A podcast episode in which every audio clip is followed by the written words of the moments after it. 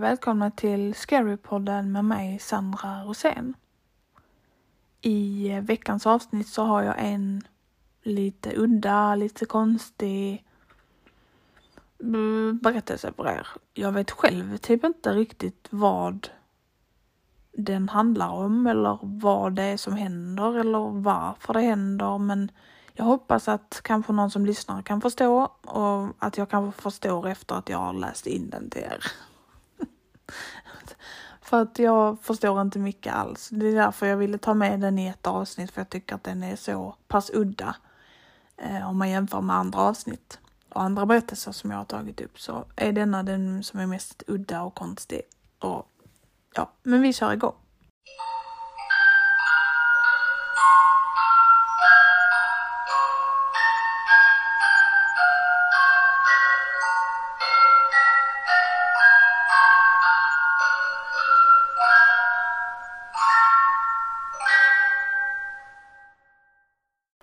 Okej, okay, så jag vet inte riktigt hur jag ska närma mig detta. Hur försöker man förklara för någon att en tjej som jag har känt i hela mitt liv nog är en demon slash varelse från en helt annan värld? Hon är alltså inte mänsklig. Jag antar genom att skriva ner det är en bra början. Det är bara det att hur berättar man något sånt här för någon utan att de ringer polisen och spärrar in mig i all framtid. Vem kan man berätta det man har upplevt för? Och det viktigaste av allt, vem kommer att tro dig? På riktigt? Hennes namn är i alla fall Tanja. Jag har känt henne väldigt länge. Vi är ungefär lika gamla och jag kände henne till och med när hon ansågs vara så kallad konstig eller udda. Alla tyckte att hon var lite speciell och blev faktiskt retad för det. Typiskt ungar, eller hur? Hon var den minsta ungen i årskursen och hennes utseende gjorde så att hon stod ut ganska mycket. Hon var liten och blond. Ett sånt barn som man för det mesta såg i reklamfilmer. När vi skulle läsa och recensera böcker i skolan inför klassen så visste jag redan innan det var hennes tur att hon skulle ha har läst en bok om något udda, som varulvar eller något sånt. När vi gick i mellanstadiet och jag ville låna en bok från biblioteket om magi så var de alltid utlånade av Tanja. Hon sa konstiga saker och hon läste konstiga böcker. Så i alla barns ögon var detta ett okej okay att reta henne. Nu när man tänker tillbaka på det så inser man hur sjukt det låter. Men barn kan vara elaka för minsta lilla och för ingen anledning alls.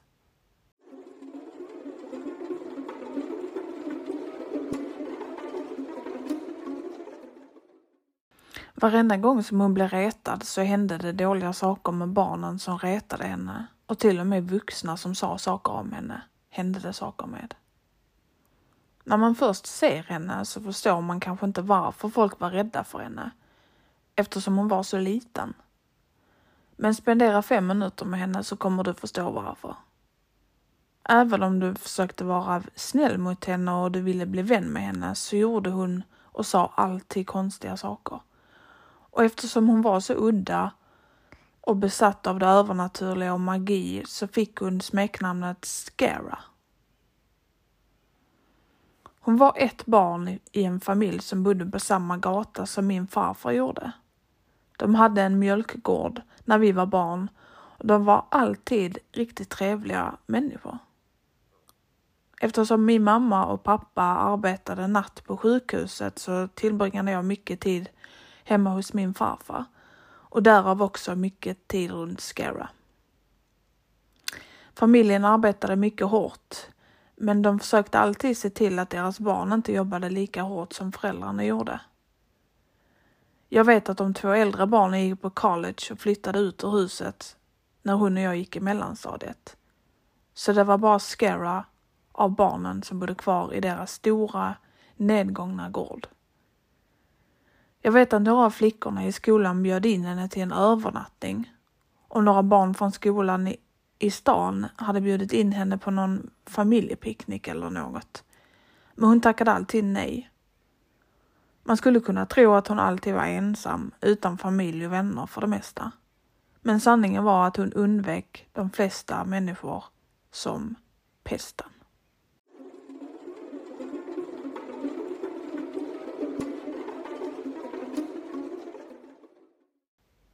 Jag minns en av gångerna i början av sommaren när jag hade bjudit in några vänner att umgås med mig. Eh, vi bestämde oss för att gå ner till lanthandeln för att köpa snacks och eh, skräckfilmer. På vägen dit så passerade vi Scaras hus. Gården såg helt förfärlig ut. Ingen hade klippt gräset eller rensat ogräset på gud vet hur länge. Jag kommer inte riktigt ihåg vad vårt samtalsämne var när vi gick förbi hennes hus. Eh, jag tror att det var någonting om att vi ville tatuera oss, men vi var alldeles för unga för det. När vi plötsligt hörde ett ljud. Det lät som ett fnissande ljud, men också som en katts jamande. En av mina vänner gjorde en min och sa högt och den som lyssnar och spionerar på oss kan sluta med det. Ljudet upprepade sig och det var definitivt ett skratt. Gräset var inte tillräckligt tjockt för att någon skulle kunna gömma sig där utan att vi skulle se personen. Vid början av familjens uppfart så såg jag en sten som fångade min uppmärksamhet. När jag plockade upp den och undersökte den närmare kunde jag se att den var vit med röda ränder i. Det var en kvarts med granat i, något som var väldigt vanligt där vi bodde. Jag tänkte inget annat än häftigt, cool sten. Jag visade den för mina vänner och sen la jag ner den i fickan och vi gick vidare. På vår väg tillbaka så var solen fortfarande uppe och sträckte ut våra skuggor hela vägen ner på gatan. Min vän Tyler tvekade lite vid början av familjens uppfart men la sedan hastigt ner en godisbit och sprang ikapp oss andra. Vi retade honom lite och frågade om han hade en grej för läskiga tjejer. I så fall så borde vi ha köpt The Ring istället. Och så vidare. Ni vet sådana saker man brukar säga till sina vänner på skoj. Givetvis.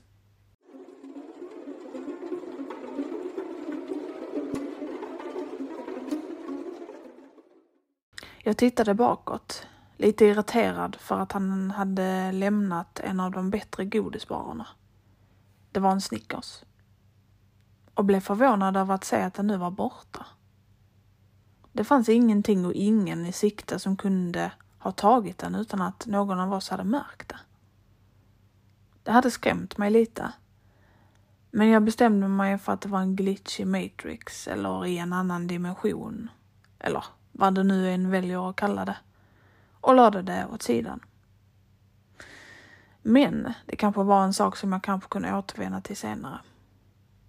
Vi hade i alla fall en bra natt tillsammans. Den varade långt in på morgonen. Klockan var nu runt ett när vi alla däckade. En timme ungefär efter att den sista filmen var slut. Vi bestämde oss för att spara pizzaresterna till frukost nästa morgon. Det enda som störde mig i min sömn var musiken som jag hörde. Det kom från huset in i garaget där vi sov. Det liksom studsade mot väggarna. Ärligt talat så kan jag inte förklara vad det var med musiken som hade väckt mig några gånger. Kanske var det för att jag kände igen den och förmodligen antog jag att det var en av farfars gamla skivor bara. När vi alla vaknade var det som att vakna upp med influensa. Hela min kropp värkte och jag kände mig snurrig och jag var varm. Att sitta upp var en av de svåraste sakerna jag någonsin behövt göra. De andra två som hade däckat i sovsäckarna kände samma sak som mig när de vaknade och skulle sätta sig upp. Det var tur att skolan i stort sett var över, förutom några sista prov. För jag kan inte minnas att jag någonsin mått så här dåligt tidigare.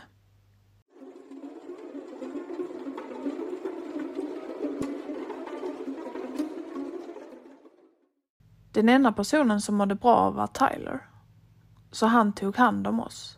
gav oss vatten och spyhinkar och ringde våra föräldrar. Min farfar kom nu ut till oss och sa att det vi behövde var Jesus och hårt arbete. Inte skulle vi bara ligga här och lata oss. Detta skulle bota det som plågade oss. Arbete och Jesus. Jag vet, det låter helt galet. Men han satte i alla fall oss på att plocka gröna bönor i hans trädgård innan solen blev för stark och brände dem. Vi försökte vara extra försiktiga med att inte kräkas över bönorna, vilket bara hade inneburit extra arbete för oss och spola rent allihop. Det är ganska vanligt i vårt område att man sätter upp skyltar vid vägen som visar vad ens gård säljer. Min farfar hade alltid utmärkta grönsaker och människor som spenderade somrarna här såg alltid till att titta förbi för att köpa det han hade. Det var inte så vanligt att människor i vårt område kom förbi. Och om de gjorde det så gav min farfar oftast det de behövde gratis. Vilket även inkluderade Skara och hennes familj. Som jag sa, Skara och hennes familj var bra människor och de hjälpte alltid min farfar med saker gratis som han skulle ha behövt betala någon annan för att göra åt honom annars. Så det var inte så konstigt att en del av vår skörd som vi fick ihop gick till ingen mindre än Scara Som såg lite tårögd och sur ut när hon stod där bredvid verandan. Eftersom hon var min farfars favorit, han kallade henne alltid för älskling, så muntrade han upp henne genom att ge henne lite av hans lönngodis och en liter jordgubbar. När hon var på väg hem och min farfar hade gått för att titta till äggen så stannade hon och stirrade på oss fyra.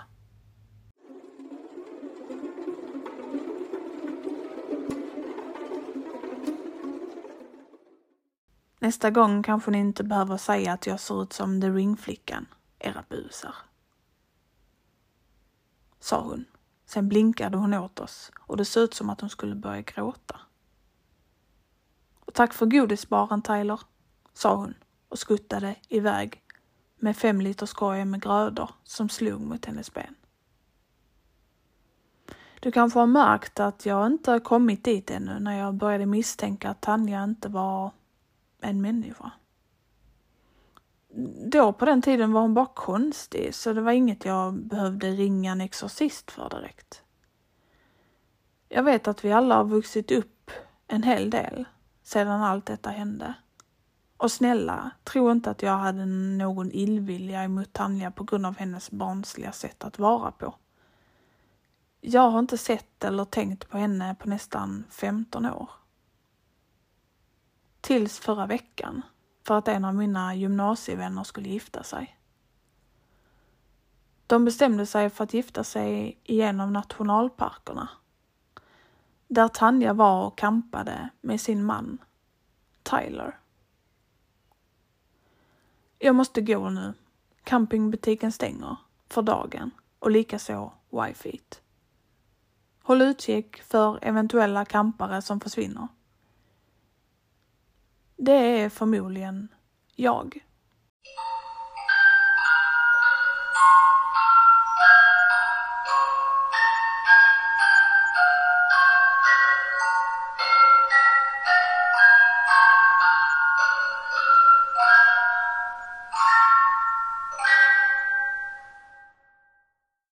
Och det var den historien för denna veckan.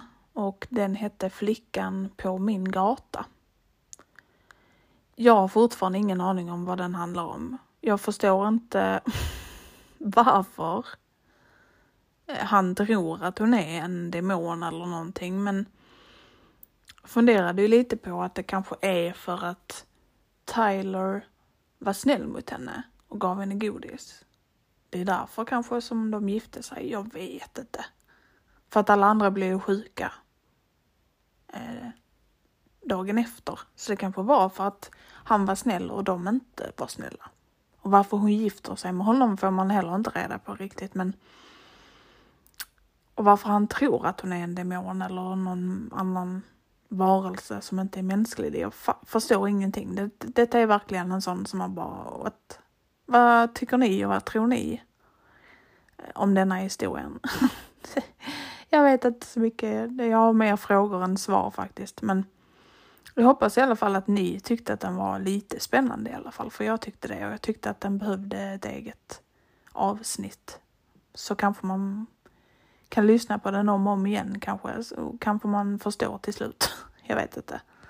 Men eh, vi hörs nästa vecka i alla fall. Igen. Och tack för att just du lyssnade.